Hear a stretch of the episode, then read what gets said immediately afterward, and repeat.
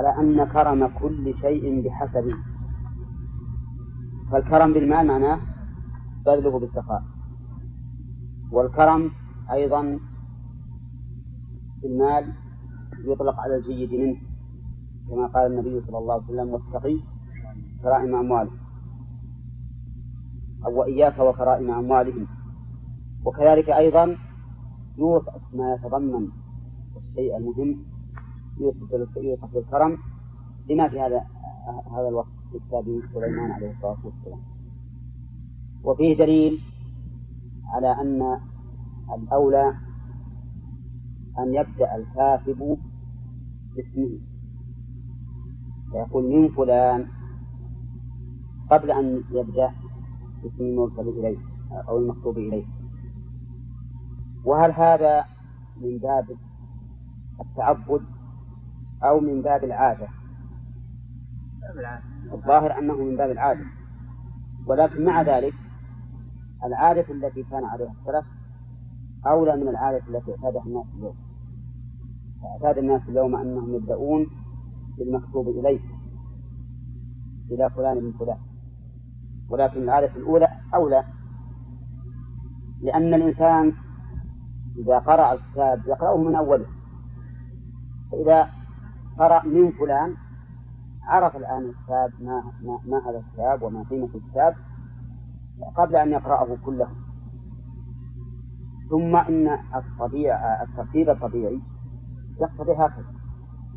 لأن الكتاب وارد من إلى ولا لا؟ فيقتضي أن نبدأ بالوارد منه قبل الوارد إليه. فإذا يقول الأولى أن يبدأ الإنسان باسمه إذا أرسل كتابا إلى أحد لأن هذه السنة متبعة طيب هل يؤخذ من هذا الكتاب أنه لا يحتاج إلى ذكر المكتوب إليه؟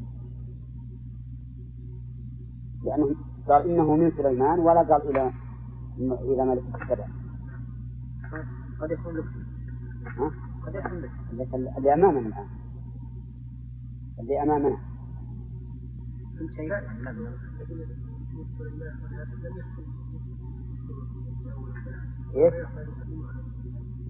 يكون حاسس صحيح أو إيه يحتمل هذا. أو نقول إنه إذا دل إذا دل الدليل على المكتوب إليه فلا حاجة إلى ذكره مثلا إذا أرسلت هذا الكتاب إلى شخص ولا سيما في مثل قصة سليمان إنه جاء به هذا الطائر جاء به هذا الطائر إلى صاحبه. فهنا احتمال أن يصل الكتاب إلى غير المكتوب إليه بعيد. والمقصود ببيان المكتوب إليه المقصود به أن يتعين ويصل إليه. وهنا إذا جاء الكتاب على هذا الوجه فإنه يحصل به أكبر تعيين. فنقول إنه لا حاجة إلى ذكره إذا كان الأمر يزول يحصل بدونه. ولكن مع هذا ذكره أولى لا سيما إذا كان يترتب عليه شيء في المستقبل. فإنه إذا فرضنا أن صاحبه الذي أرسل إليه. علم وأخذه لكن في المستقبل ما ندري لمن لمن وفي له هذا الخطاب فذكره بلا شك أولى نعم. وقوى في هذا دليل على على استحباب البداءة بسم الله الرحمن الرحيم في أول الركعة. وقوله وأنه بسم الله الرحمن الرحيم. وفيه دليل على استعمال الإيجاز إذا لم يكن فيه تقسيم. لأن هذا الكتاب الذي كتبه سليمان في غاية ما يكون الإيجاز جملتان فقط. أن لا تعلوا علي وأتوني مسلمين. ولكن بشرط أن لا يكون الإيجاز مخلا بالمقصود. فإن كان مخلا بالمقصود صار تقصيرا. نعم. وفيه دليل على أن سليمان عليه الصلاة والسلام دعاهم إلى إلى الله سبحانه وتعالى ولا يريد التملك والسيطرة وإنما يريد بذلك الدخول في الإسلام. لأن الهدهد لما أخبره أنها وقومها يسجدون للشمس من دون الله فهذا كفر. فلا بد أن يخرجوا منه إلى الإسلام بقوله وأتوني مسلمين. وفيه أيضا دليل على قوة سليمان عليه الصلاة والسلام لأنه لم يقل وأسلموا. بل قال ائتوني مسلمين فطلب منهم أن يأتوا إليه وهم على إسلام على إسلام. وهل المراد أن يأتوا جميعا؟ لا. المراد أعيانهم وأشرافهم لأن الأعيان والأشراف يقومون مقام العام. وفيه دليل على استحباب المشاورة في الأمور العامة كقولها يا أيها الملأ أفتوني في أمر فهي مع أنها ملكة ولها تمام السلطة مع ذلك لم تستغني عن المشاورة. قالت يا أيها الملأ أفتوني في أمري. وفيه دليل على حزم هذه المرأة وأنها تريد أن تكون سياستها مبنية على المسؤولية على الجميع. لقولها ما كنت قاطعة أمرا حتى تشهدون. وحينئذ لو حصل خلاف المقصود لم يكن عليها لوم. ما دامت تشهد هؤلاء وتبين لهم. وفيه أيضا دليل على أنه يجوز للمستشير أن يخالف المستشار إذا لم يد إذا لم يرى أنه مصيب في مشورته لأنهم لما ذكروا ما يدل على أنهم يريدون قتاله وهي لا تراه خالفت ولا لا؟ فإنها قالت إن الملوك إذا دخلوا يفسدوها إلى آخره وفي دليل على مكانة هذه المرأة من قومها لأنها بعد أن استشارتهم وأبدوا رأيهم تأدبوا معها وقالوا الأمر إليك فانظري ماذا تأمرين نعم. فهل يؤخذ من ذلك أيضا أنه إذا قدم المستشار مشورته لإنسان كبير أكبر منه قدرا أو فهما أو علما أن له أن يقول مثل هذا؟ ها؟ نعم يقول مثل هذا تأدبا وصاحبه بالخيار إن شاء أخذ بمشورته وإن شاء لم يأخذ. وفيه دليل على حزم هذه المرأة أيضا من جهة أنها نظرت في العواقب. إن الملوك إذا دخلوا قرية أفسدوها وهكذا ينبغي للعاقل أن لا يحكم على الأمور ببوادرها وظواهرها وإنما يحكم على الأمور بعواقبها. فإن الشيء قد تكون بوادره وظواهره مفيدة في نظر الإنسان ولكنه عند التأمل يكون الأمر بالعكس. لكن هل الأول هل الأولى المبادرة أو التأني؟ في الأصل التأني أولى. في الأصل التأني أولى لأن الإنسان إذا تأنى ما يندم ما فعل شيء. لكن إذا إذا إذا تسرع فهو الذي يكون عرضة للندم. وكم من كلمة قال الإنسان ليتني لم أقولها؟ وكم من فعل قال ليتني لم أفعله؟ ولكن مع هذا ينبغي استعمال الحزم في الأمور. لا يتأنى تأنيا يفيد المقصود ولا يتسرع تسرعا يحصل به الندم. نعم. وأظن. أني أنشدتكم بيتين في هذا المعنى. نعم. تحفظونهما نعم. لا في أنه قد يكون الندم آه، التسرع أولى وقد يكون التأني أولى. نعم. نعم. وربما فات قوما جل أمرهم مع التأني وكان الرأي لو عجل قد يدرك المتأني بعض حاجته. وقد يكون مع المستعجل الزلل. وربما فات قوما جل أمرهم مع التأني وكان الرأي لو عجل. ها؟ الأخير وربما فات قوما جل أمرهم. وربما فات قوما جل أمرهم مع التأني وكان الرأي لو عجلوا نعم. وهذا صحيح وواقع. الأول قد يدرك المتأني بعض حاجته وقد يكون مع المستعجل الزلل طيب المهم أننا نقول إذا دار الأمر بين بين الإسراع والتأني ولم يترجح الإسراع عليه فالأولى الأولى التأني. لأن الإنسان يكون الأمر الأمر بيده ما دام لم يحدث شيئا. لكن إذا أحدث شيئا فاته الأمر. ولم يتمكن من التخلص منه. نعم. إيه نعم يؤخذ من الآية لأنها قالت إن الملوك إذا دخلوا قرية أفسدوها وجعلوا أعزة أهلها أذلة فهي نظرت في العواقب. والنظر في العواقب يستدعي إما التسرع وإما التأني. قد يكون مثلا يرى الإنسان الرائي أنه إذا لم يسرع فات المقصود.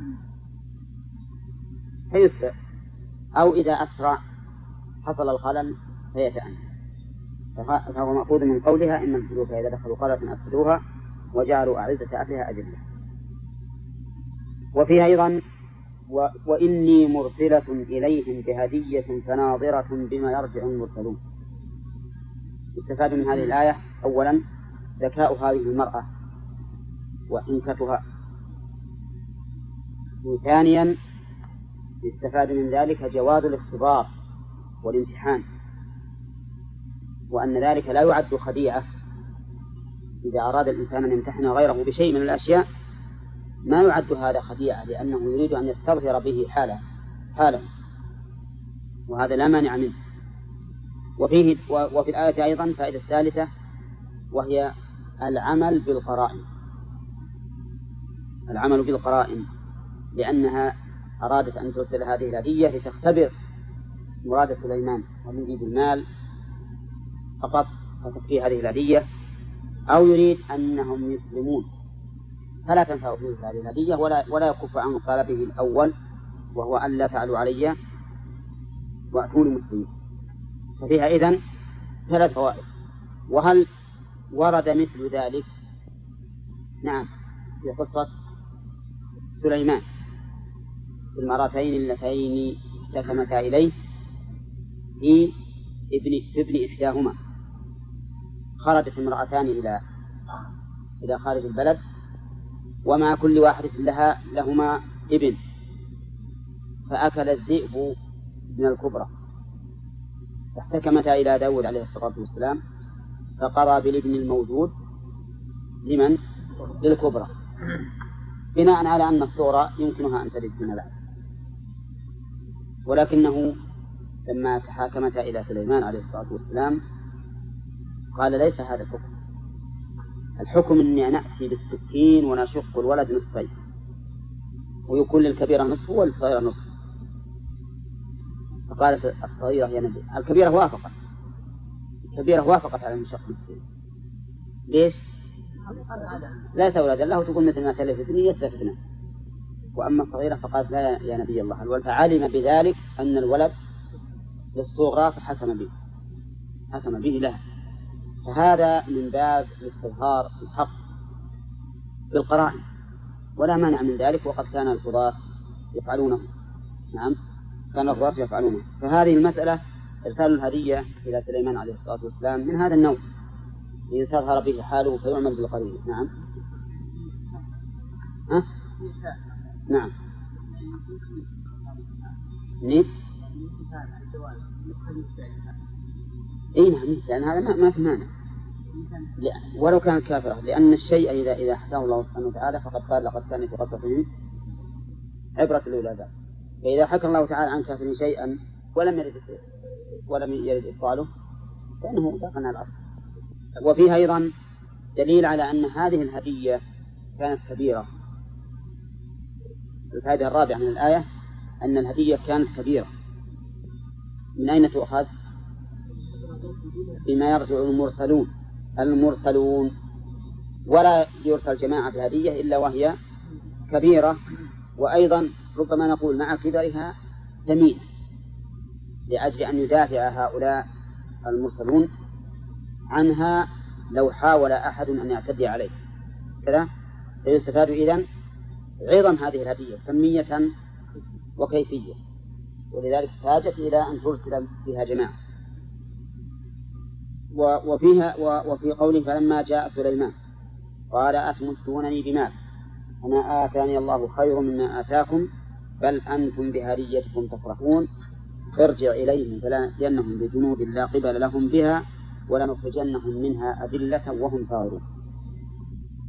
يستفاد من قوله فلما جاء سليمان. أن من المستحسن أن يتقدم الرئيس رئيس الوفد أو القوم بالكلام أو بالفعل إذا كان مكلفا بالفعل. المهم أن يكون المتقدم الرئيس لأن تقدم الجميع دفعة واحدة غير لائق لضياع المسؤولية. فلا بد أن يتقدم أحد. يتقدم واحد. وكلما حصر الأمر كان أقرب إلى الفهم وإلى حصول المقصود. وفيه أيضا دليل على توجيه الخطاب للجماعة وإن كان المتقدم رئيسا بقوله أتمدونني بمال.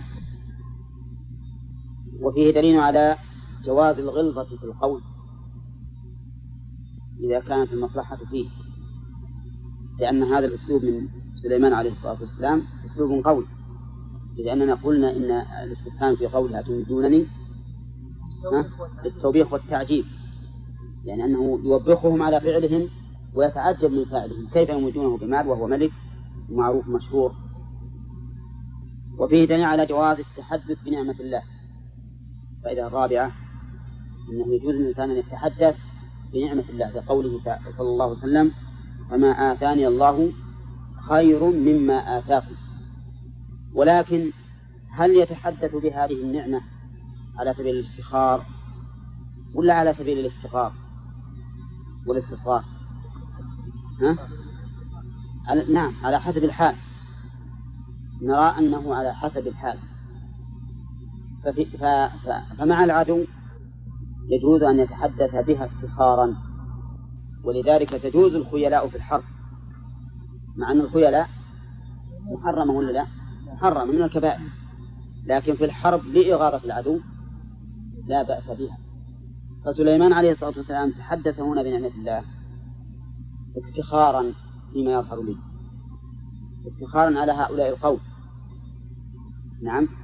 وهذا لا بأس به. إذا كان أمام العدو. فأما إذا كان لإظهار النعمة فإنه لا يجوز إلا على سبيل الاستصغار والافتقار إلى الله سبحانه وتعالى لا على سبيل الافتخار والعلو على الخلق. وفيه دليل على الفائدة الخامسة أنه يجوز للإنسان أن يصف غيره بما يبدو من حاله لقوله بل أنتم بهديتكم تفرحون. إذ أن الفرح كما تعرفون أمر باطن تظهر عليه العلامات تظهر تظهر علاماته على على ظاهر البدن ولكنه في الأصل أمر باطني لأن اللي يفرح ما يسمع لفرحه صوت ولا يرى له حركة ولكن تظهر علاماته. فلا بأس أن الإنسان يحكم على غيره بالقرائن بما يظهر من حاله وقد مر عليكم كثيرا في مثل, مثل هذا الأمر. فقد قال الرجل الذي جامع زوجته في نهار رمضان والله ما بين لبتيها أهل بيت أفقر منه.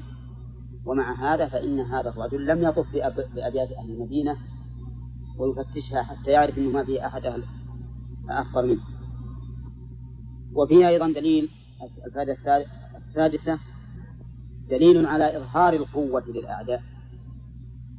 لقولها لقوله ارجع إليهم فلنأتينهم بجنود لا قبل لهم بها. وهذا داخل في قوله تعالى وأعدوا لهم ما استطعتم من قوة. فإن من قوة نكرة تشمل كل ما يمكن من القوة. سواء كانت القوة قولية أو مادية أو معنوية المهم من جميع القوى في معاملة الأعداء ينبغي للمرء أن يستعملها حتى إنه جاء في الحديث الحرب خدعة لكن الخيانة هل تجوز ولا ما تجوز؟ ها؟ خيانة العدو ها؟ ما تجوز لا يجوز للإنسان أن يخون عدوه ولهذا قال الله تعالى وإما تخافن من قوم خيانة فانبذ إليهم على سواء ولا تخنهم وكذلك لو لا إذا خانوا يكونون نقض نقض العهد. وقد مر علينا في هذه أن هذه المسألة لها ثلاث حالات. المعاهدين لهم ثلاث حالات. إما أن يستقيموا لنا فما استقاموا لكم فاستقيموا لهم وإما أن يمكث العهد وحينئذ لا عهد. وإن نكثوا أيمانهم من بعد عهدهم وطعنوا في دينكم فقاتلوا أئمة الكفر وإما أن لا ينقض العهد وظاهرهم الاستقامة لكن نخاف منهم الخيانة. فهنا ننبذ إلى العهد إليه ونخبرهم بأننا قد أبطلنا العهد. حتى لو قالوا سنبقى على العهد نقول لا. يعني الآن كل منا حر. طيب. هنا فيه قوة. في الكلام ارجع إليه فلا تنم بجود أقل لهم بها. هذا التهديد والوعيد لا شك أنه مظهر قوة. فيكون داخلا في قول الله تعالى وأعدوا لهم ما استطعتم من قوة. نعم.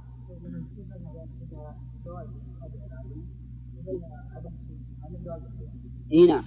الخيانة معناه أنك تخدعه في مقام الأمان. والخديعة تخدعه في غير مقام الأمان.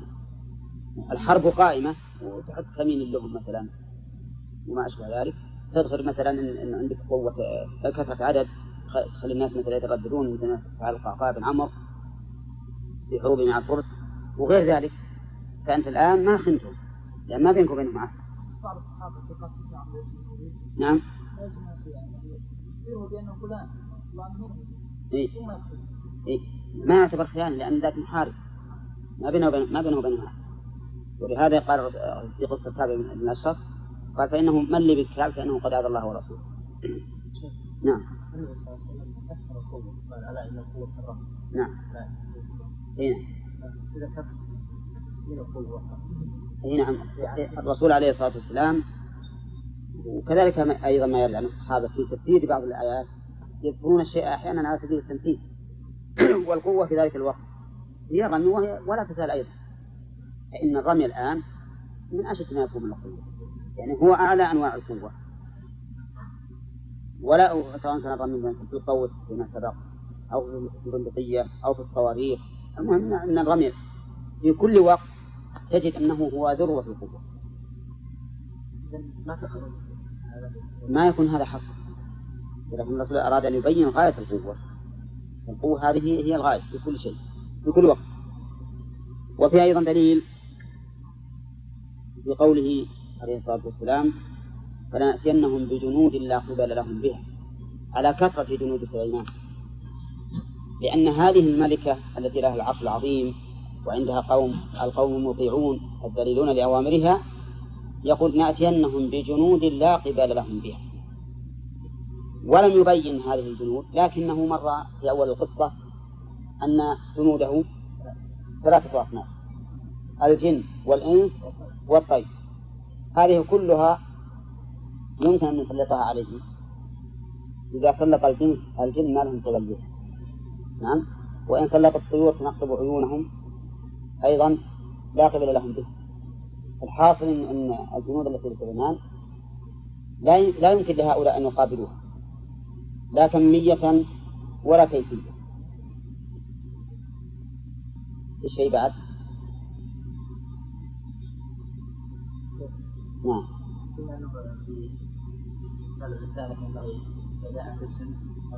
نعم. نعم. كان ما يرسلون إلى عمل المسلمين وهذا من باب من باب التعجب والمبالغة. ولا لا شك إن, إن الأول أولى. لكن مثل ما قلت الآن أنهم صاروا يقولون إلى فلان من فلان. ثم صاروا يقولون إلى فلان ويأتون بالاسم في الآخر. كل هذا من باب التأدب والإكرام مع الغير ما أعرف ما أعرف من فترة بقول لأنهم بس رأوها تعبوا ولكن هذه من الأمور العادية مثل ما قلت أنها من الأمور العادية هي بعبادة. إذا قد ها؟ قد استثنى بعد؟ قال سليمان قبل لا هي أخبرت إنه من سليمان. فهل كان سليمان كتب بسم الله الرحمن الرحيم. من سليمان ألا تعالوا عليه وسلم المسلمين. لأن هذا خبر منه. من تقرأ عليهم الخط الآن؟ يعني ليس تقرأ الكتاب حتى نقول من سليمان بسم الله الرحمن الرحيم. ولهذا قالت إنه من سليمان وإنه بسم الله الرحمن الرحيم. لا تعالوا عليه. حتى إننا أيضا في أثناء التفسير كنا يحتمل أنها فهمت أنه من سليمان بغيرها وإن لم يكتب. وإن لم يكتب. نعم. ناخذ؟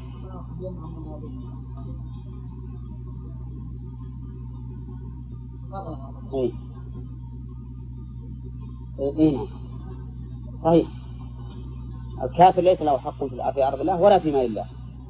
حتى المال ما له ما له حق فيه. نعم. اي نعم لأنه وجه ذلك إنه لو لم يكن هكذا لكان تهديده بهذا الأمر. محرما. إذ لا يجوز له أن يفعل لا يجوز له أن يفعل هذا. لو كان لهم حق ما جاز له أن يفعل ويخرج ويخرج من الأرض. نعم. قال الصغار بين الذلة والصغار لا ما لأن إحنا قلنا أمس الذلة في النفس والصغار في البدن. في المرجئة أي من إضافة إليهم إي نعم يمكن يمكن يستدل بها. على أن الإنسان يفعل باختياره. وقول فلنأتينهم بجنود. ثم قال الله تعالى قال يا أيها الملأ أيكم يأتيني بعرشها في الهمزتين ما تقدم. الملأ الملأ أيكم. وش اللي تقدم؟ تحقيقهما. تحقيق الهمزتين يا أيها الملأ أيكم. وتفعيل الثانية بقلبها واوا يا أيها الملأ ويكم. يأتيني بعرشها قبل أن يأتوني مسلمين. منقادين طائعين. فلي أخذه قبل ذلك. لا بعده. قال قبل أن يأتوني مسلمين. من أين عرف أنهم سيأتون مسلمين إليه؟ عرف ذلك من أنهم إذا سمعوا بما قال, بما قال الرسول الذي قال له ارجع إليهم فإنه لا بد أن أن يستسلموا وينقاد. فهو أيضا حكم بالقراء ويجوز أن الله سبحانه وتعالى أوحى إليه بذلك لأنه نبي. فالمسألة دائرة بين أن يكون حكم بكونهم يأتون مسلمين بناء على القرينة. ويحتمل أن تكون أن يكون ذلك بوحي من الله سبحانه وتعالى. ولكن قوله قبل أن يأتون مسلمين نبه المفسر على أنه إذا كان العرش أخذ قبل أن يأتوا المسلمين إليه فهو جائز. وإذا كان بعد ذلك فليس بجائز. وفي هذا نظر لأنها هي بمجرد ما تفارقه مسلمة تكون قد أحرزت مالها. ولا لا؟ وقد حمت. فهي فمالها محترم قبل أن تصل إلى سليمان. بمجرد إسلامه. وهي إذا غادرت فتأتي بلا شك مستسلمة. فإنه قال لهم بالأول أن لا تعلوا علي وأتوني مسلمين.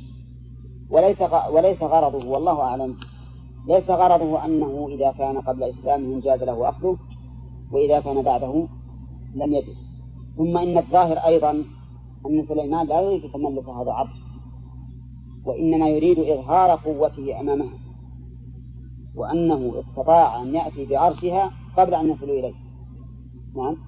ولا يريد أن يتملكه حتى يرد ما قاله المؤلف. لما قال أيكم يأتيني بعرشها قبل أن يكونوا المسلمين قال عفريت من الجن.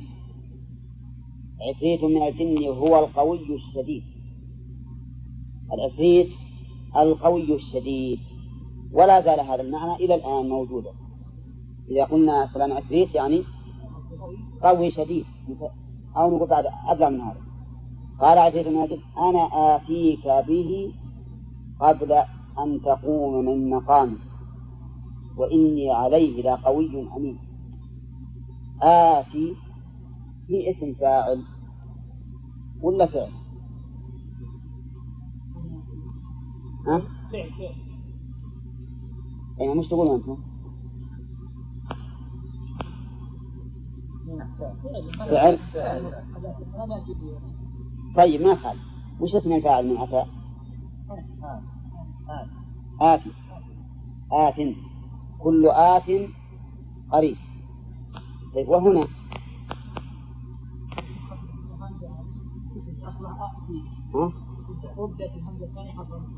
أي طيب.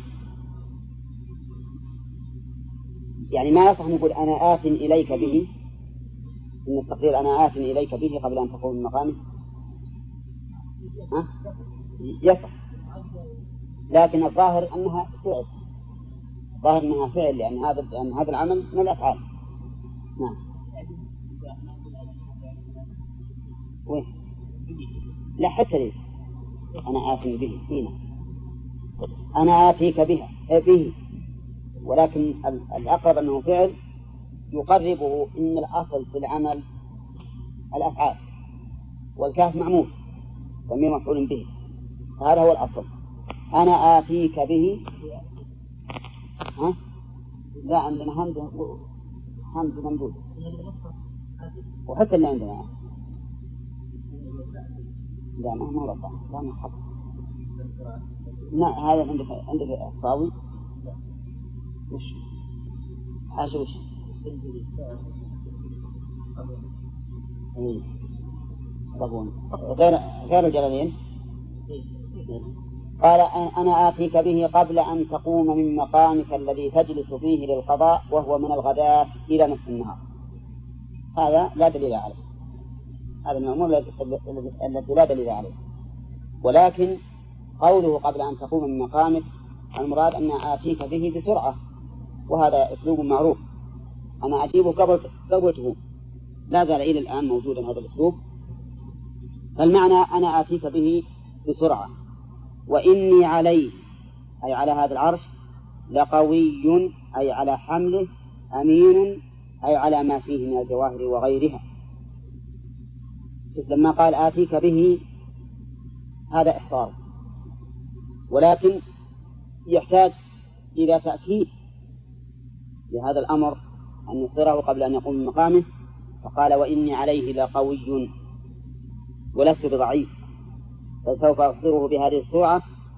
وأيضا أمين. أمين أي لا أكون فيه بشيء.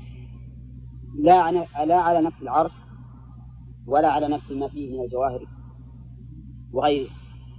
وهذان الوصفان يحتاج إليهما كل عامل كل عامل كما قال الله تبارك وتعالى عن امرأة عن بنت صاحب مدين إن خير من استأجرت القوي الأمين.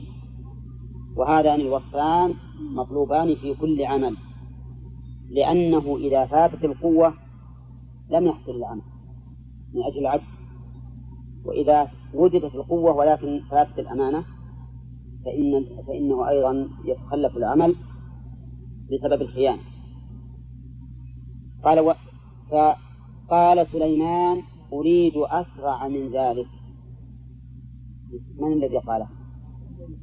لا دليل عليه. ولكن قال الذي عنده علم من الكتاب المنزل وهو آصف بن برخياء كان صديقا يعلم اسم الله الأعظم الذي إذا إذا دعا به أجاب. عندي دعا به ولكن المعروف أنه إذا دعي به. كل مفتح عندكم دعي؟ لا لا بينهم فرق لأن هذا بالألف وهذا بالياء ها؟ إيه ياء ياء من دون استثناء كذا قائمة إذا انتهى. ها؟ عندك ألف ولا ياء؟ ها؟ يعني ياء طيب. دعية إيه لكن أنت؟ مثل منا. ما دام الكتاب غير كتاب طيب. آه، هو المعروف اسم الله الأعظم الذي إذا دعي به أجاب. لكن يحتمل أنه إذا دعا به هذا الرجل الذي عنده علم الكتاب يعني أن هذا الرجل قد جرب وقد عرف أنه إذا دعا الله تعالى بهذا الاسم أجابه فيكون هنا أنسب أن يقال إذا دعا به أجاب. لأن هذا الرجل عنده علم الكتاب نعم يعلم أو قد جرب إذا دعا بهذا الاسم أجاب. وهذا أيضا ليس بلازم أن يكون هذا الإنسان الذي عنده علم من الكتاب يريد أن يدعو الله تبارك وتعالى باسمه الأعظم. وإنما نقول هذا الرجل أعطاه الله تعالى علما من الكتاب المنزل. نعم؟ ولا شك أن الإنسان العالم يعرف الأدوات والصيغ التي تكون أقرب إلى الإجابة. نعم؟ سواء باسم الله الأعظم أم بغيره. يقول أنا آتيك به قبل أن يرتد إليك طرفك إذا نظرت به إلى شيء. الله أكبر. أيهما أسرع؟ الثاني هذا كلام البصر نعم. أنا آتيك به قبل أن يرتد أي يرجع. إليك طرفك أي نظرك. فأنت مثلا إذا نظرت هكذا أمامك إن قلت هكذا بسرعة. بسرعة فائقة. وتأمل على الله العظيم يبي يأتي من اليمن إلى الشام بهذه السرعة العظيمة لأنه يأتي بأمر الله سبحانه وتعالى. والله تعالى إذا إنما أمره إذا أراد شيئا أن يقول له كن فيكون فلمح وما أمرنا إلا واحدة كلمح بالبصر. فالله تبارك وتعالى إذا أجاب الداعي ما يحتاج إلى مدة ولا إلى مهلة. ولكن مع ذلك يقدر الله تبارك وتعالى الأمور بأسبابها. قد يدعو الإنسان لمريض أن يشفيه الله سبحانه وتعالى. لكن هل يشفى كلمح بالبصر؟ لا له أسباب تقدر لكن الأسباب تنعقد فورا إذا أراد الله تبارك وتعالى أن يجيب مع أن الله قادر على أن يبرئ هذا المريض بلحظة. مثل ما كان الرسول عليه الصلاة والسلام يؤتى أحيانا بالمريض فيدعو له فيشفى بلحظة. نعم. جيء إليه بعد ابن أبي طالب في خيبر وهو يشتكي عينه فبصق فيها ودعا. نعم. فبرئت كأن لم يكن بها وجع. في الحال. نعم. والله تبارك وتعالى على كل شيء قدير. ولكن تأخر الشيء لا يدل على أن الله سبحانه وتعالى ليس بقادر على إبرائه حالا ولكنه يدل على أن الله حكيم يقدر الأمور بأسبابه. حتى خلق السماوات والأرض في ستة أيام. ذكرنا فيما, فيما سبق أنه لفائدتين. أولا ما اشتهر عند أهل العلم من أن الله تعالى جعلها في ستة أيام ليعلم العباد التأني في الأمور وأن المهم إحكام الأمر لا, لا التعجيل فيه. وشيء آخر أن خلق هذه الأشياء يحتاج إلى أسباب ومكونات تتفاعل وتنتهي إلى الكمال. فلهذا صارت في ستة أيام.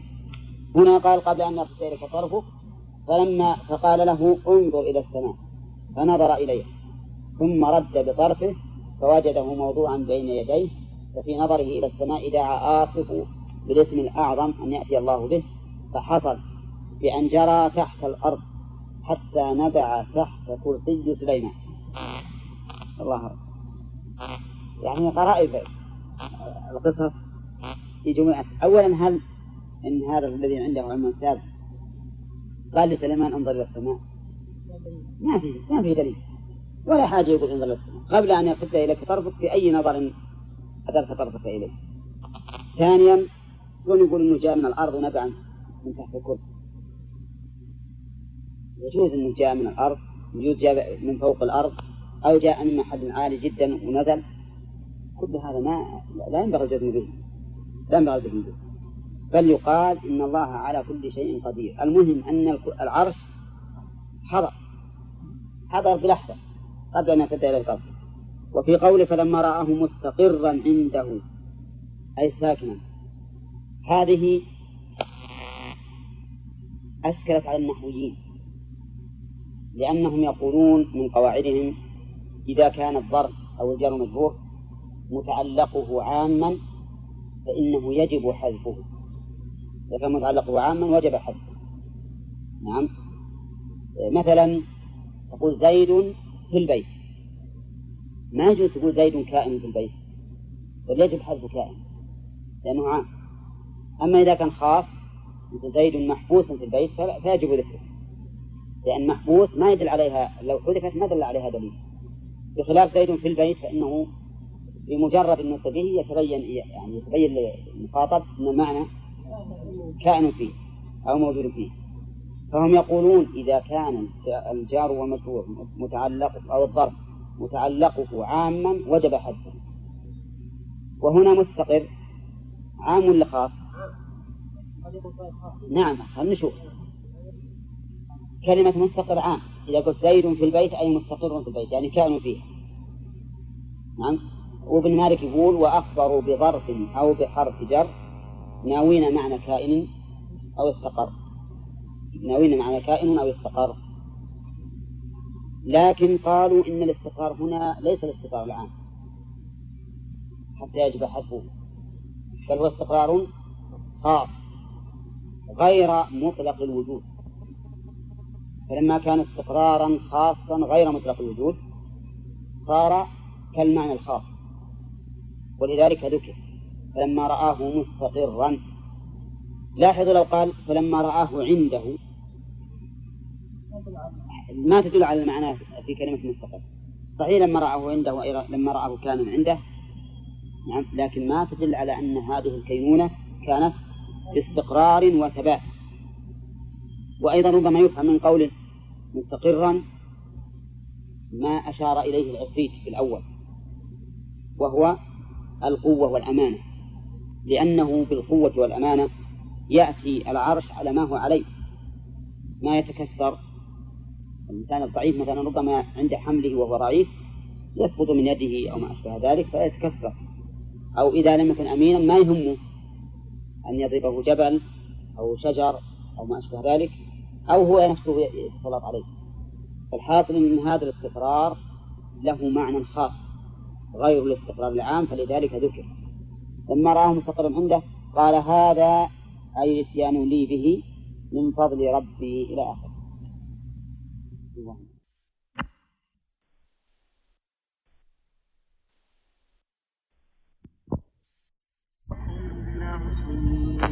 وصدها ما كانت تعبد من دون الله. إنها كانت من قوم كافرين. قيل لها ادخل الصرح فلما رأت حسبت فلجة وكشفت عن ساقيها قال إنه صرح ممرد من قوارير. قالت رب إني ظلمت نفسي وأسلمت مع سليمان لله رب العالمين. ولقد أرسلنا أعوذ بالله من الشيطان الرجيم. قال الله تبارك وتعالى قال الذي عنده علم من الكتاب أنا آتيك به إلى آخره فيه نعم. طيب نقصنا نبي نشوف الفوائد اللي قال يا أيها الملأ أيكم يأتيني بعرشها قبل أن يأتوني مسلمين. في هذا دليل على جواز الخطاب إلى المبهم إذا كان يتعين بعد ذلك بقوله أيكم يأتيني بعرشه أيكم يأتيني بعرشه. نعم ما قال ائتني يا فلان. وهذا النوع من الخطاب رتب عليه فوائد كثيرة. حكمية وخبرية. فمنها مثلا أنه يجوز أن يقول زوجتك إحدى ابنتي هاتين. ثم يختار إحداهما. مثل ما فعل صاحب مدين مع موسى. ومنها أنه يقول يجوز أن يقول بعتك إحدى هاتين السلعتين بكذا. فيختار إحداهما. ومنها بعتك هذا بعشرة نقدا أو بعشرين نسيئة. فيختار أحد الثمنين. وليست هذه المسألة الأخيرة من باب بيعتين في بيعة خلافا لمن زعم ذلك. فإن هذه بيعة واحدة لأنهما لم يتفرقا إلا إلا على إحدى البيعتين. نعم. وأيضا بيعتان في بيعة. سبق لنا أنه جاء فيها نص صحيح صحيح صريح في سنن أبي داود. وش يقتضي؟ أن بيعتين في بيعة هي مسألة العينة. هي مسألة العينة. لقول النبي صلى الله عليه وسلم من باع بيعتين في بيعة فله أوكسهما أو الربا. وهذا صريح في أن ذلك مسألة العينة. أو أولى ها؟ مسألة العينة أن يبيع الشيء عليه بثمن مؤجل ثم يشتريه منه بأقل منه نقدا. هذه مسألة العينة أي نفس البائع. هنا نفس البائع يشتري بأقل فصار الآن أن أنه يجوز الخطاب حكما وخبرا المبهم لكن بشرط أن يتعين قبل تمام الحكم. طيب هنا يا أيها الملأ أيكم يأتي. وفي هذا دليل على أنه يجوز للإنسان أمام عدوه أن يظهر العظمة. لأن سليمان أراد بإحصال هذا العرش وش أراد فيه؟ إظهار عظمته وقدرته وأنه استطاع أن يأتي بعرشها المحصن بلا شك. لأنه كما هو كما جرى في العادة قصور الملوك لابد أن تكون محصنة وعليها حرس حرس لا سيما مثل العرش. نعم. وأما زعم المؤلف أنه إنما أتى به ليتملكه فهذا لا, لا دليل في الآية عليه. لا دليل في الآية على ذلك. نعم. نعرف عن هذا التعيين أصل ما هو منتهي العقد إلا بالتعيين ما ينتهي العقد إلا بالتعيين زوجت واحدة من فقال قبلت نكاح فلان. هذا التعيين ما يصح يقول قبلت إحداهما. ما كما أن البيع أيضا. بعتك بعشر نقدة وعشرين نسيئة يقول قبلت بعشرين نسيئة قبلت بعشر نقدة لا بد من هذا. لأن الإيجاب القبول يعين المهم الكلام على الإيجاب طيب وفيها دليل أيكم يأتيني بعرشها قبل أن يأتون المسلمين. وفيها دليل على أن سليمان عليه الصلاة والسلام إما أنه تفرس أو أوحي إليه بأن هؤلاء القوم سوف يأتونه. لأنه لما أرسل لما رد الرسول بالهدية وقال نأتينهم بجنود لا قدر لهم بها ونخرجونهم ما أذلة وهم صاغرون ما جاءه الجواب. فطلب أن يفطر عرشه. مما يدل على أنه علم بأنها ستأتي وقومها ولكن من أين علم ذلك؟ قلنا إنه إما من وحي وإما من فراسة. لأن مثل هذه العبارات التي ترسل نعم لأتينهم بجنود لا قبل لهم بها ولنخرجنهم منها أذلة وهم صاغرون بهذه القوة يقتضي أن العدو يخنع ويخضع. إن كان بفراسة فهو دليل على جواز الحكم بالفراسة وقد ذكرنا عدة مرات أنه يجوز الحكم على الشيء بمقتضى غلبة الظن. بل يجوز أن يحلف عليه بمقتضى غلبة الظن ها؟ والفراسة تؤدي إلى غلبة الظن تؤدي إلى غلبة الظن ولكن ليس مجرد ليس مجرد الوهم يجوز أن تحكم بالظن بل لا بد للفراسة من قرائن. قرائن تدل عليه إما قرائن سابقة وإما قرائن مقارنة. وأما أن تحكم بشيء ما في قرينة فهذا حكم بالظن. وفي هذا دليل نعم نعم. قال عفريت من الجن أنا آتيك به قبل أن تقوم من مقامك وإني عليه لقوي أمين أولا في هذه الآية دليل على تسخير الجن لسليمان. لقوله قال عفريت من الجن أنا آتيك هو أول من تكلم. ثانيا دليل على قوة الجن. لأنه سوف يأتي بهذا العرش العظيم. يحملهم منين؟ من سبأ من اليمن إلى الشام. ثالثا دليل على سرعتهم وهو من أوصاف القوة. لقوله قبل أن تقوم من مقام. وهذه سرعة فائقة سرعة عظيمة. نعم. ومعلوم أنهم عندهم سرعة عظيمة بدليل أنهم يسترقون السمع من السماء ولا يصل إلى السماء إلا إلا من عنده سرعة هائلة عظيمة وفيه دليل على أنه يجوز للإنسان أن يصف نفسه بما اتصف به من صفات الكمال ترغيبا أو ترهيبا منين يؤخذ؟ وإن عليه لقوي أمين. هذا ترغيبا. فلنأتينهم بجنود لا قبل لهم بها ترهيبا. فيجوز هذا وهذا. لكن شرط أن يكون متصفا به حقيقة. أما دعوة فلا. فهذا مثل ما قال جاء في الحديث من تشبع بما لم يعطى فهو كلابس ثوبي زور الإنسان الذي يمدح نفسه بما ليس فيها هذا لا شك أنه مزور. مزور بالخبر ومزور بالصفة. هو أخبر عن نفسه بما ليس فيها فالخبر كذب و ثبوت الوصف هذا للنفس مثلا كذب. ولذلك قال كلابس ثوبي زور. طيب. و... ها؟ إيه مثله. اي نعم مثله. ومثل العلماء أيضا يتكلمون مثل هذا؟ قول مسعود لو أعلم أن أحدا تناله الإبل أعلم مني في كتاب الله. نعم. أعلم مني في كتاب الله. لا لكتبها إليه أو كما قال. وفيه دليل على أن مدار العمل على هذين الوصفين وهما القوة والأمانة. لقوله لقوي أمين. لأن من ليس بقوي لا يتقن العمل. لماذا؟ لضعفه. لضعفه. ومن ليس بأمين لا يتقن العمل أيضا. ليش؟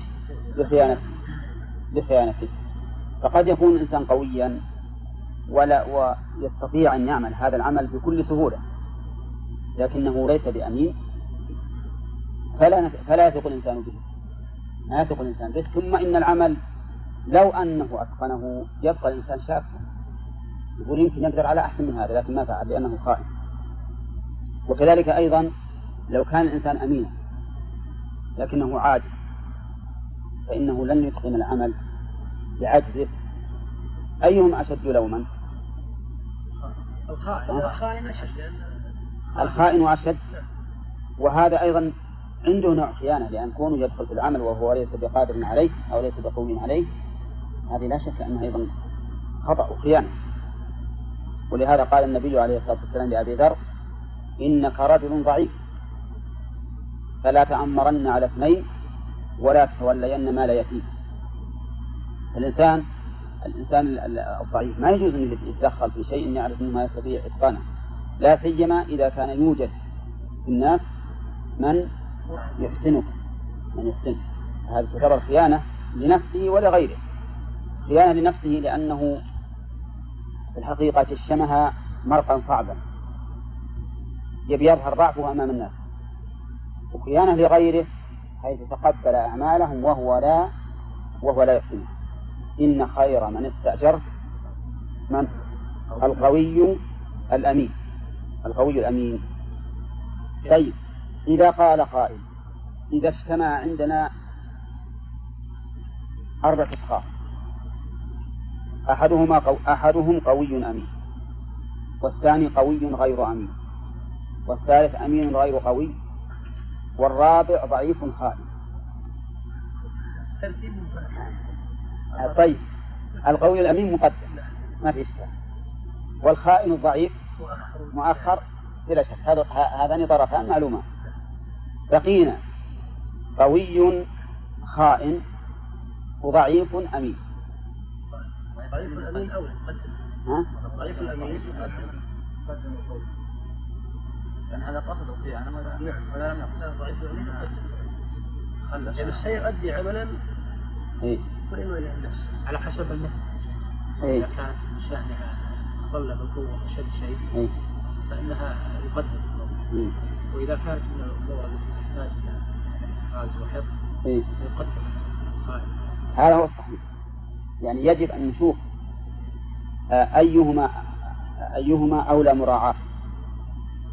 إذا كان في عمل القوة فيه أظهر. فهنا يقدم القوي لأن القوي وإن كان عنده خيانة ربما تحمله قوته على إتقان العمل لأجل أن يشتهر بهذه القوة.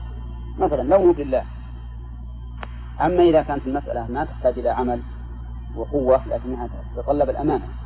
فهنا يقدم الأمين. طيب هذا واضح.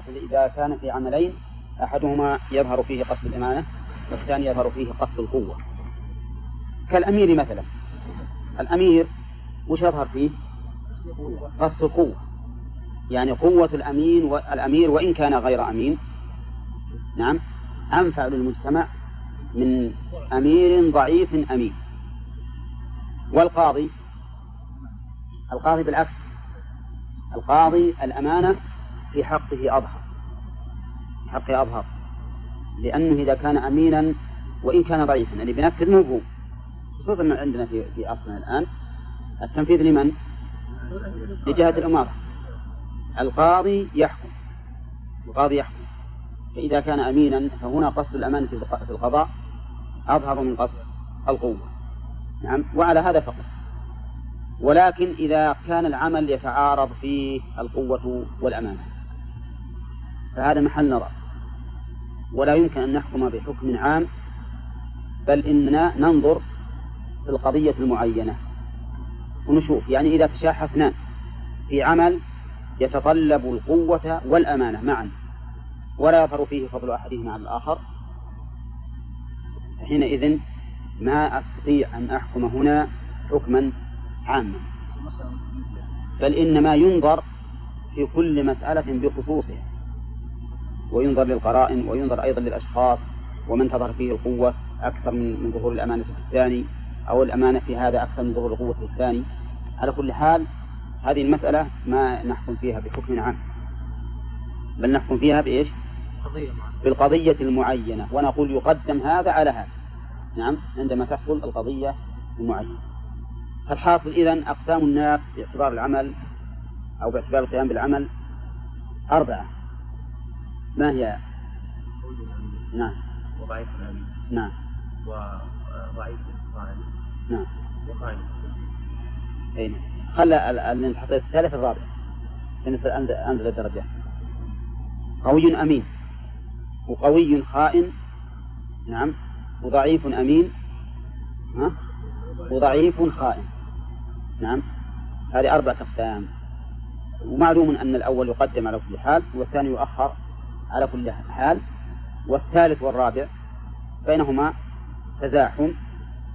فينظر إلى ما كانت ما كان يستدعي القوة أكثر يقدم فيه القوي وما كان يستدعي الأمانة أكثر يقدم فيه الأمين. وما احتمل الأمرين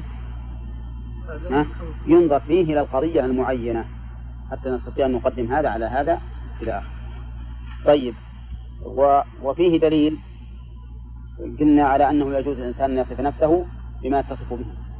أنت تأخرت سبع إلى سبع ونصف. قلنا يجوز أن يصف الإنسان نفسه بما يتصف به. لكن بشرط أن يكون حقيقة. أن يكون ذلك حقيقة. نعم. وقوله نعم. لا لا. أن نقول مباح. وتعرف أن المباح تعتريه الأحكام الخمسة. قد يكون واجبا أحيانا. وقد يكون محرما. إنما هو على سبيل الإباحة. ولا يمكن نقول إنه مطلوب بكل حال لأنه قد يكون لغرض سيء ولا أنه مذموم بكل حال لأنه قد يكون لغرض حسن فهو على سبيل الجواز. وفيه دليل. نعم. قال الذي عنده نب... أظن انتهت الآية هذه. نعم. ما يقول أيضا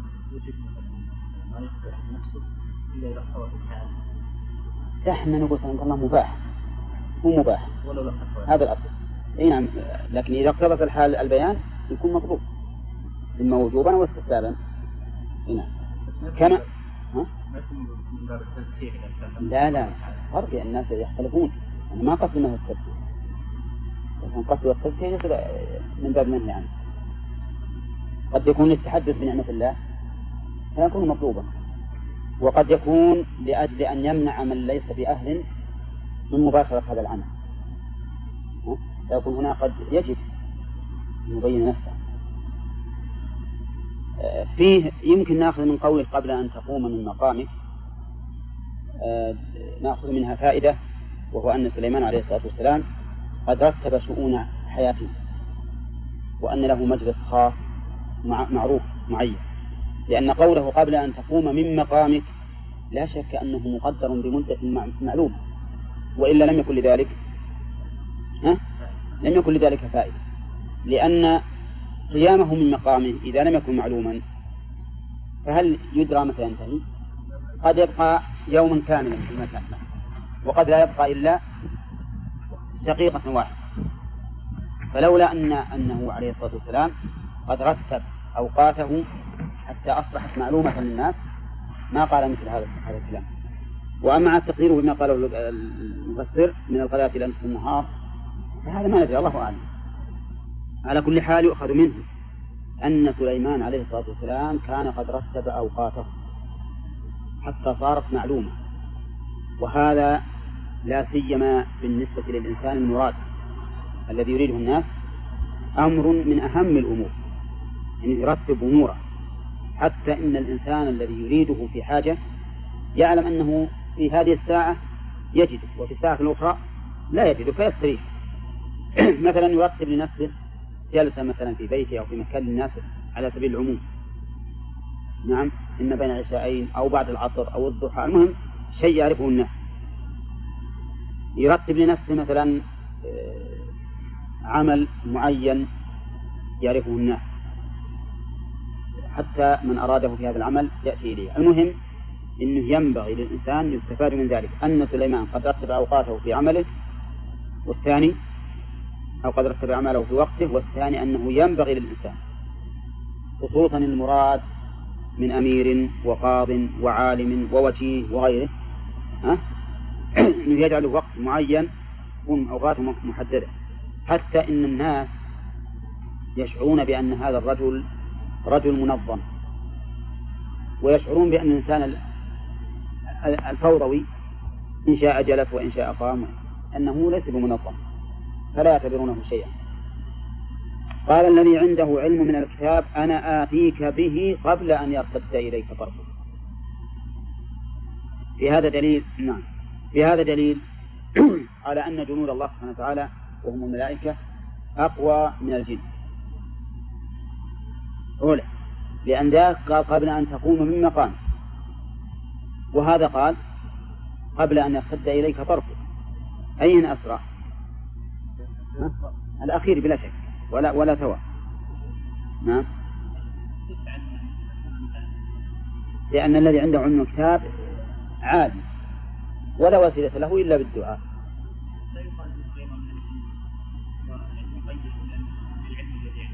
لا ما هو بالظاهر. لأنه كونه كونه يقول قال الذي عنده علم من الكتاب مفصولة عن قوله قال عفريت من الجن. والأصل أن الكلام مع الإنس. فظاهر أنه رجل ليس ليس من الجن. لكنه نعم. لا ما هو صحيح. لا ما صحيح. لأن كل إنسان أو كل قائل ليس من البشر لا بد أن ينوه عنه. لأن الأصل أن البشر هم الذين يتخاطبون وهم الذين يتفاهمون.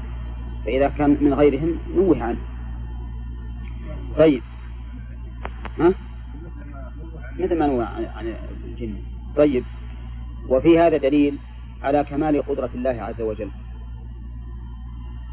لأن كون هذا العرش العظيم يأتي من اليمن إلى الشام بلحظة لا شك أنه من من من تمام قدرة الله التي لا يتصور الإنسان كيف تكون. الآن هل يمكن أن نتصور كيف جاء هذا من اليمن إلى الشام؟ يعني قبل أن يرتد إلى الإنسان طرفه. لو يطير طيران أشد من الدخان. نعم. ما تصور أنه يأتي بهذه الصورة. نعم. ولا نتصور أن الأرض سقطت صف حتى التقى هذا بهذا أيضا. يعني فقدرة الله سبحانه وتعالى ما يمكن للإنسان أن يتصورها تأتي فوق التصور. وهكذا جميع صفات الله. فإنما هي زاجرة واحدة فإذا هم بالساهرة. كن. فجميع الخلائق كلهم على ظهر الأرض. من يتصور هذا؟ تستطيع تصور هذا؟ ما تستطيع تصور. نعم. يعني لو كان إن الأرض تشقق تفتح بس ما عندها تفتح. كن. نعم.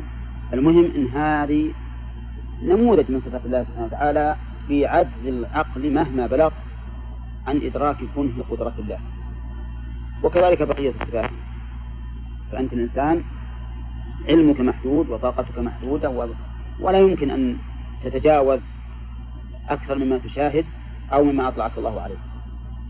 نعم. وفي هذا دليل على فضل الله سبحانه وتعالى على سليمان.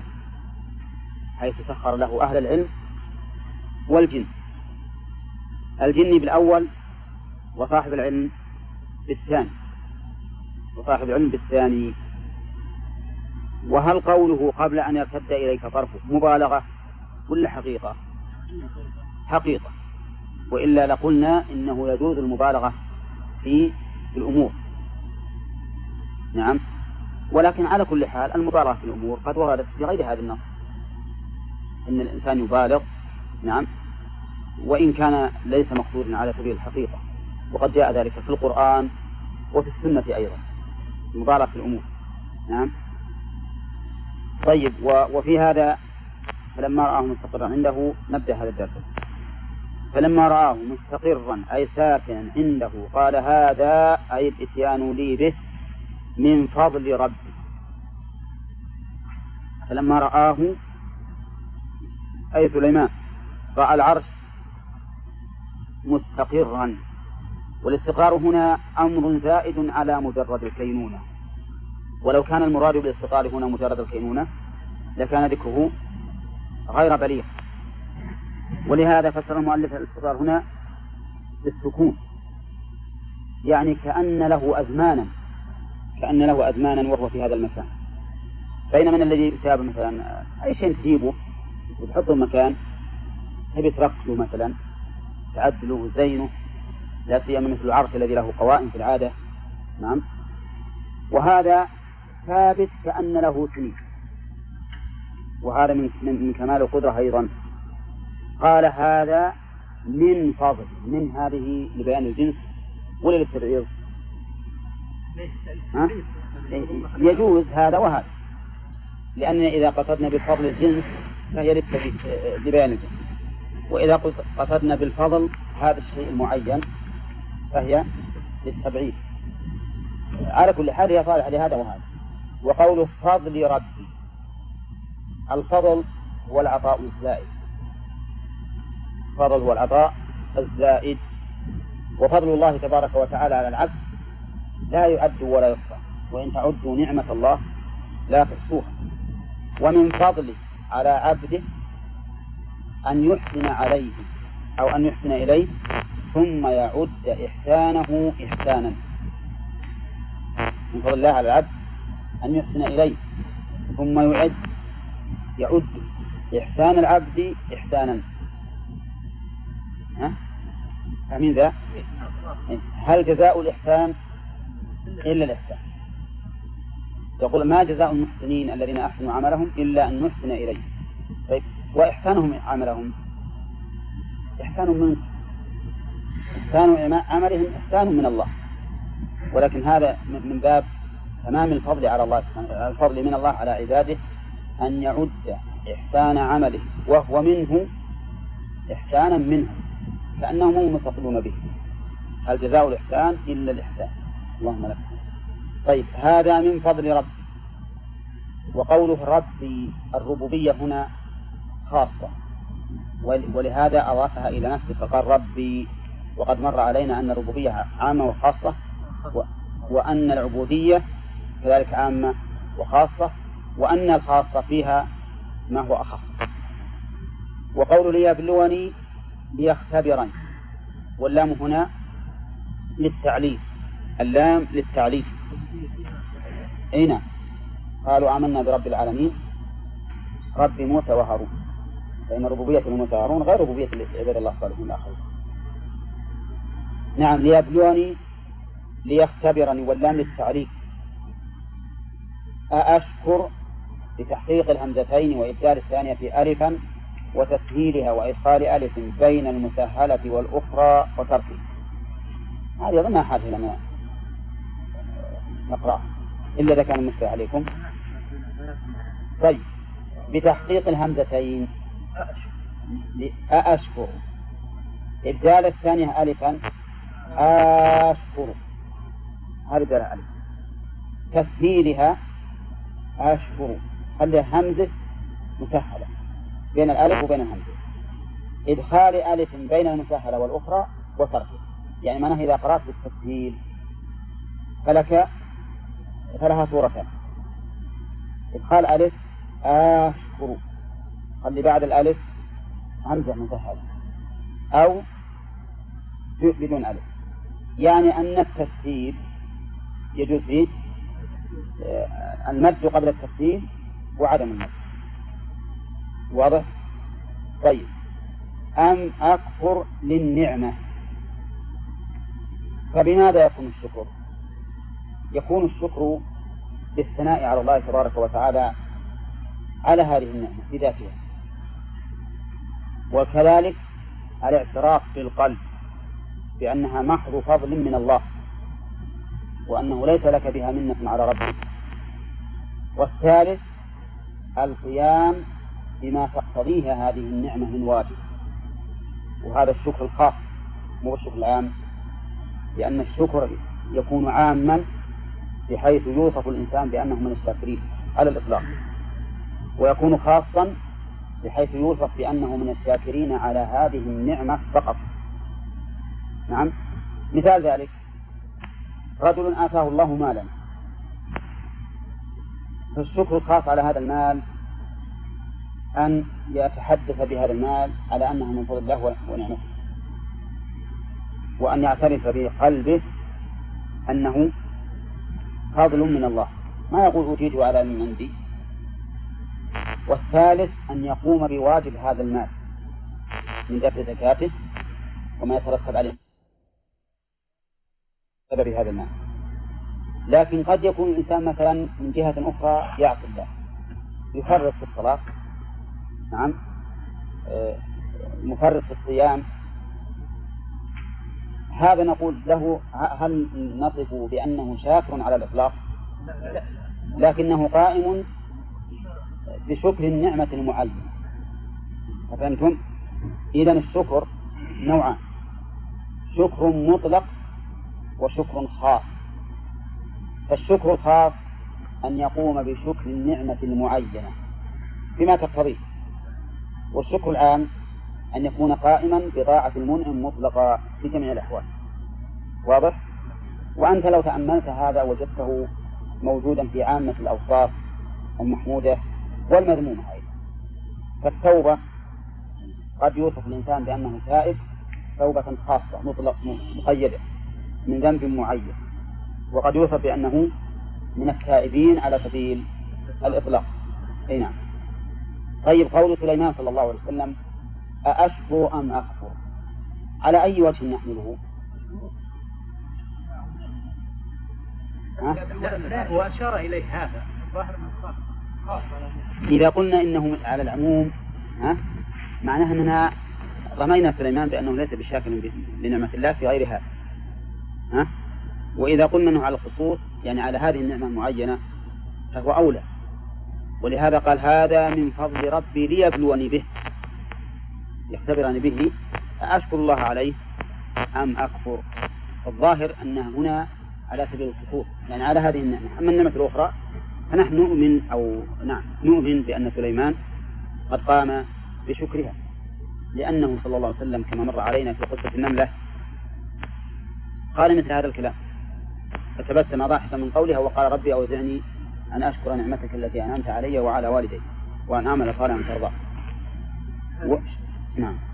نقول هذه النعمة قد تكون إذا الله تعالى بتأثيرها على ما الله. عليه لا لا ما نقوله. لأن اللي نعتقد وهو أقرب من حال سليمان أنه قد شكر نعمة الله على النعم الأخرى. لا لا لا تحاول. أبدا. هي على هذه النعمة. أشكر ما قال أتم الشكر. لو قال أتم الشكر أشكر فعل مطلق. فالحاصل أن الذي يظهر لنا الذي يظهر لنا أنها على هذه النعمة يقولون هل أشكرها أم أكفرها؟ لأن كل نعمة تحتاج إلى شكر خاص والشكر العام معروف. الإنسان يقول أشكر الله على ويعتقد أو يضمر في قلبه أنه شاكر لله على جميع النعم لكن عند نعمة معينة تحتاج هي أيضا إلى شكر إلى شكر خاص. فالشكر على المال ليس على كالشكر على مثل إنسان عنده قوة وقدرة على الرمي والجهاد. والشكر عن نعمته أن يستعملها في الجهاد يجاهد. عنده قدرة على بيان الحق بما أعطاه الله تعالى من العلم والفهم. شكر الله على هذه النعمة أن يبين نعم أن يبين هذا الأمر. فتجد أن الشكر يختلف. إذا اعتبرنا إيش؟ كل نعمة بحسبها. فإنه يختلف. نقول شكر هذا غير شكر هذا. لكن الشكر المطلق أن نعتقد بأن جميع الفضائل والإنعامات كلها من الله سبحانه وتعالى هذه يشترك فيها جميع الناس. نعم. ليبلوني أأشكر أم أكفر؟ إذا قال قائل كيف يقول سليمان أم أكفر؟ والكفر كلمة نابية تنفر منها الناس. نعم. فلماذا لم يقل أشكر أم لا أشكر؟ مع أن المعنى واحد لكن هذه أهون. نقول لأجل ردع النفس لأجل ردع نفسه عن المخالفة وعدم الشكر. حتى يبين لنفسه أنه إذا لم يشكر معنى هو الكفر. نعم؟ فلكل مقام مقام. قد تخاطب إنسان ترى أنه لم يشكر نعمة الله عليه فتخشى إذا قلت أنت كافر بالنعمة أن ينفر منك ويزداد نفورا حتى من النعمة. وإذا قلت أنت لم تشكر تمام الشكر أو حق الشكر أو ما أشبه ذلك وجدت أنه أهون. والأساليب تؤثر. يقال إن ملك من الملوك رأى رؤيا فأفزعته. فقال علي بالمعبرين أو بالعابرين. فأحضروا له العابرين وقال لهم إني رأيت أن أسناني قد سقطت. أما ترون؟ فقام كبيرهم فقال أرى أن أهلك سيموتون. أهلك سيموتون. انزعج الملك. فقال أوجعوه ضربا. نعم. فأوجعوه ضربا وقال اصرفوه هذا ما فيه ثم دعا بمعبرين آخرين. وقال لهم إني رأيت أن أسناني قد سقطت. فقام كبيرهم وقال الملك أطول أهله أعمارا عمرا. الملك أطول أهله عمرا ها؟ إيه. هذا صحيح وقال يلا هذول أجهزوهم. نعم. مع أن المعنى واحد. لأن أهل ما تصروا أطولهم عمر فالحاصل أن التعبير له دخل في قبول الحق والنفور منه. نعم. وقد مر علينا قصة إبراهيم عليه الصلاة والسلام حيث قال لأبيه إني قد جاءني من العلم ما لم يأتك ما كانت جاهل ولا تدري ولا تعرف. قد جاءني من العلم ما لم يأتك فاتبعني. أهدك صراطا سويا وهذا فضل الله يؤتيه من يشاء. بعض الناس يعني يهب الله سبحانه وتعالى قدرة على التعبير حتى إن العبارات تكون بيده كالعجين. يران له يران له القول في كل ما يريد. فتجد يستطيع حتى لو أراد أن يخرج لسانه كلمة لا يريدها على طول يجد بدله. وبعض الناس ما يستطيع. الله سبحانه وتعالى فضله من يشاء. طيب إذا من كفر؟ يقول عبر بهذا التعبير وإن كان لأجل أن يرجع نفسه عن المخالفة وعدم القيام بالشكر. فإن ربي غني عن شكره كريم بالإصرار على من يكفرها. يعني من كفر فإن ربي غني. غني عن شكره صحيح. أو غني مطلقا ومن جملة ما هو غني عنه. شكر هذا الإنسان على نعمة الله. فإن الله تعالى ما أنعم على العباد لحاجته إلى أن يشكروه. نعم. بل لفضله عليهم وظهور آثار أوصافه. ظهور آثار صفاته العظيمة ما يكون إلا بأفعاله التي من جملتها النعم. أو النقم أيضا ليظهر بذلك صفات الانتقام والغضب. وقول كريم أي أنه سبحانه وتعالى قد يبقي النعمة على من كفر على من كفرها. تكرما منه أحيانا وأحيانا استدراجا والله تبارك وتعالى حكيم. يهب فضله من يشاء. قد يبقي الله النعمة على الكافر استدراجا على الكافر بها استدراجا ولا لا؟ لقوله تعالى والذين كفروا أن ولا يحسبن الذين كفروا أنما نملي لهم خير لأنفسهم إنما نملي لهم ليزدادوا والذين كفروا سنستدرجهم من حيث لا يعلمون وأملي لهم. وقد يبقي الله تعالى النعم مع الكفر تربية بحيث أن الإنسان يفتح الله عليه التأمل فيخجل من الله عز وجل أن يكون هو يبادر الله تعالى بالمعاصي والله تبارك وتعالى يدر عليه النعم فيرتدع فيرتدع. وهذا هو وهذا هو ظاهر قوله كريم لأن الكرم في مقابل في مقابل الكفر ما يكون إلا حيث كان ذلك التكرم إيش؟ ها؟ الكرم في مقابل الكفر النعم ما يكون إلا حيث يكون ذلك الكرم من مصلحة من؟ الكافر به وإلا ما ظهر ما, ما ظهر آثار الكرم بل ظهر آثار الحكمة لو قال حكيم صار هذا يشمل من تدرج الله به حتى أهلكه.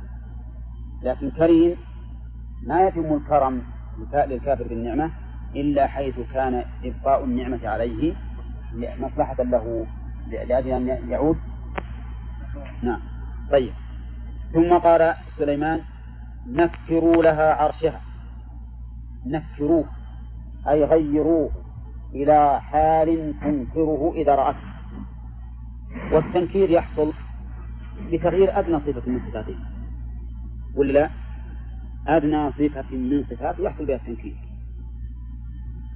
إذا كان مثل قوائمه طويلة يمكن قصر القوائم فيكون تنكير. إذا كان لون إحدى عواضده مثلا أحمر يمكن عليها أخضر. نعم؟ يعني سواء هذا التنكير بالأجزاء أو باللون أو بالفرش تغير الفرش هذا داخل في التنكير. نعم؟ نكروا لها عرشها. ننظر أتهتدي أم تكون من الذين يهتدون. ننظر. وش اللي جاز وين؟ قال نكر. ها؟ نكر وهذا نكر فعل الأمر أول. وننظر مجزوم بجواب على أنه جواب الأمر. نعم. هذا صحيح. نكروا ننظر. شوف العظمة.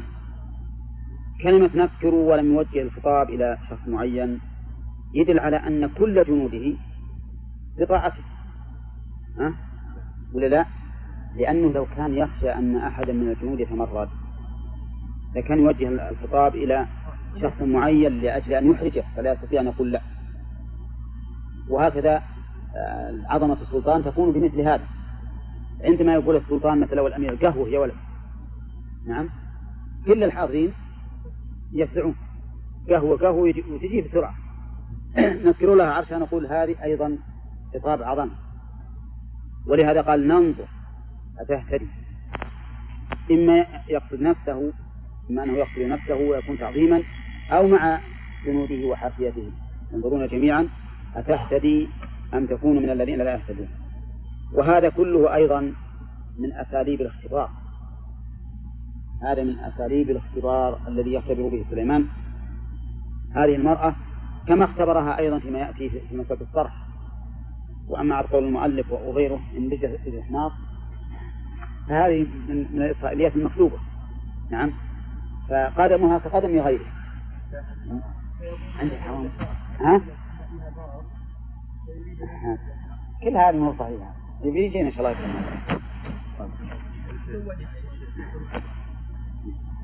الله على كل حال هي جديرة بأن تزوج لأنها أسلمت وكانت ذكية. نعم. ما في دليل على تصرف الإنسان في ملك غيره؟ يتصرف في العرش؟ إنسان هو بالآيات الآ- السابقة. إحنا نقبل منك هالفائدة. وإنسان هو بالآيات اللاحقة. درس اليوم ما نقبل. اختبرها أجل باك نعم.